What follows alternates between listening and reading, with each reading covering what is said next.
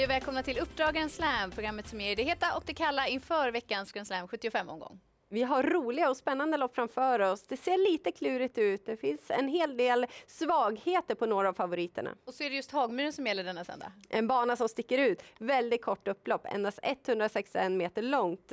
Och även om det inte är fler spetsvinnare än rikssnittet så gäller det att vara med i den främre träffen. 80 procent av vinnarna sitter i de två främre paren. Här kommer Barnkollen med Mats E. Djuse som känner till banan väl.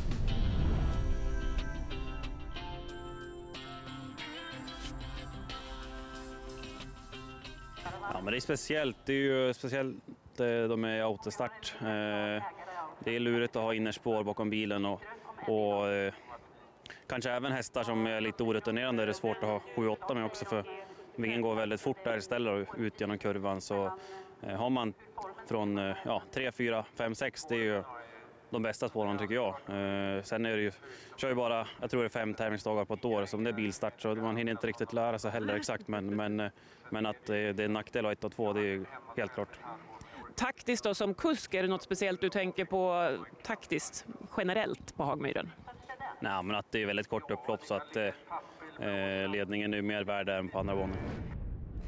Ja, det är bara att lyssna på Mats. Bästa spåren är 3 till 6 bakom bilen, så vill man hitta hästarna i den främre träffen så ska man leta där. Men jag reagerade även på att han tyckte att spår 8 var stort minus. Bilen gick för fort där. Mm, förutsättningarna är med andra ord serverade nu till veckans heta.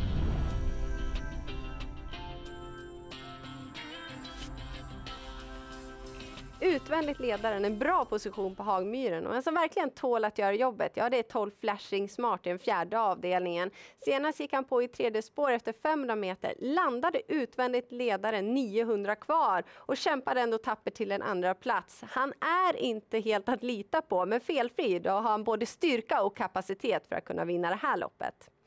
Och en som också borde få en fin position det är den femte avdelningen, nummer tre Dima, som trots sin orutin redan har hunnit visa rätt så bra startsnabbhet och nu har hon en offensiv Mika Fors i sulken. Det skulle kunna bära av till ledningen och hon kan också stanna där hela vägen in i mål. Hon har dessutom visat fin inställning. Hon har inte givit upp trots att hon fått göra jobbet själv, utvändigt ledare.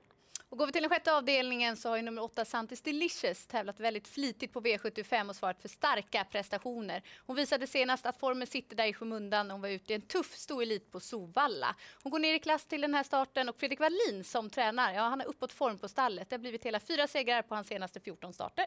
Ja, det är viktigt att notera. Och han har ju en spännande häst i den första avdelningen. Sex Super Sara gör debut i hans regi och vi vet ju hennes grundkapacitet. Ja, och något som också är väldigt spännande är att Robert Berg skickar endast en häst till söndagens tävlingar och det är nummer tre Tangentöff i den avslutande avdelningen. Han har ett fint utgångsläge bakom bilen, håller väldigt bra form och var duktig som trea på V75 senast trots ett väldigt tufft slutvarv i tredje spår. Och vår eh, sista heta hittar vi hos veckans profil, Emilia Leo. Som har fina 26 i segerprocent som tränare och till söndagens tävlingar så kommer hon med tre egentränade hästar.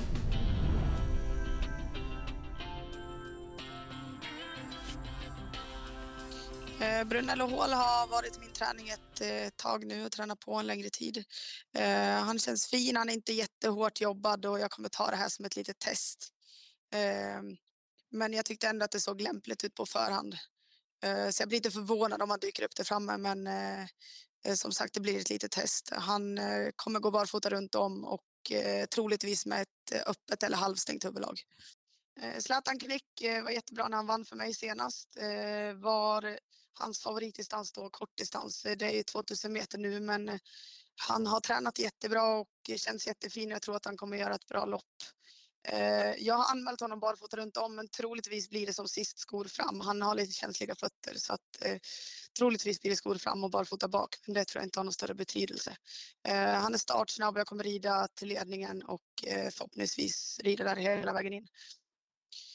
Jaguar Hill var tvåa senast. Han var okej okay då. Jag var lite besviken på honom. Även om han mötte en för bra häst som han inte kunde slå en bra dag kanske heller. Men han var lite blek till slut tycker jag. Men eh, han är lite till och från och en humörshäst. Han är svår att räkna på. Eh, har tränat bra nu, känns jättefin. Eh, man ska ta med sig att han har hoppat i voltstart för mig. Eh, I tidigare regi har han varit säker i volt så att jag, eh, han står ganska dumt in i loppet men jag tyckte att det såg eh, ganska lämpligt ut ändå. Eh, men jag är nöjd om han kan vara bland de tre, fyra, absolut. Ja, Emilia låter uppåt på Zlatan Nick. Ja, det förstår man. Även om det inte är hans optimala distans så talar väl det här korta upploppet till hans fördel och framförallt då kanske att Monté-drottningen själv sitter i sadeln. Mm, nu vidare till veckans kalla.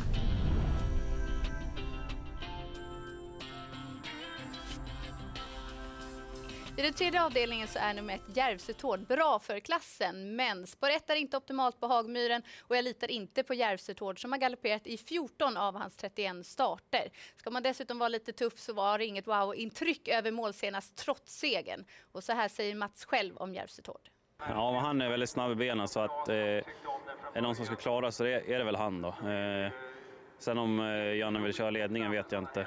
Eh, men det känns som att han kanske är lite bättre bakifrån. Men eh, han vann i alla fall senast mot eh, billigare hästar då. Så att formen är väl okej. Okay. Nummer 10, I Love for the Pair i den femte avdelningen, har nu ett lopp i kroppen, men från bakspår kan det bli problem. Segern togs från ledningen och hon har visat tidigare att hon inte trivs med att göra jobbet utvändigt ledaren och då kan det bli för långt fram. Dags att runda av programmet och då är det i vanlig ordning att man bara får lyfta fram en häst, Jennifer. Ja, det blir den fjärde avdelningen, en 12 flashing smart. Jag hoppas verkligen att han håller sig i rätt gångart. Och jag tycker det är spännande när Robert Berg skickar en häst, så glöm inte nummer tre, Tangen Tuff i den sista avdelningen. Som slipper runda hela fältet den här gången. Och det är viktigt, för man ska vara med i den främre träffen på Hagmyren. Stort lycka till med Grand Slam 75.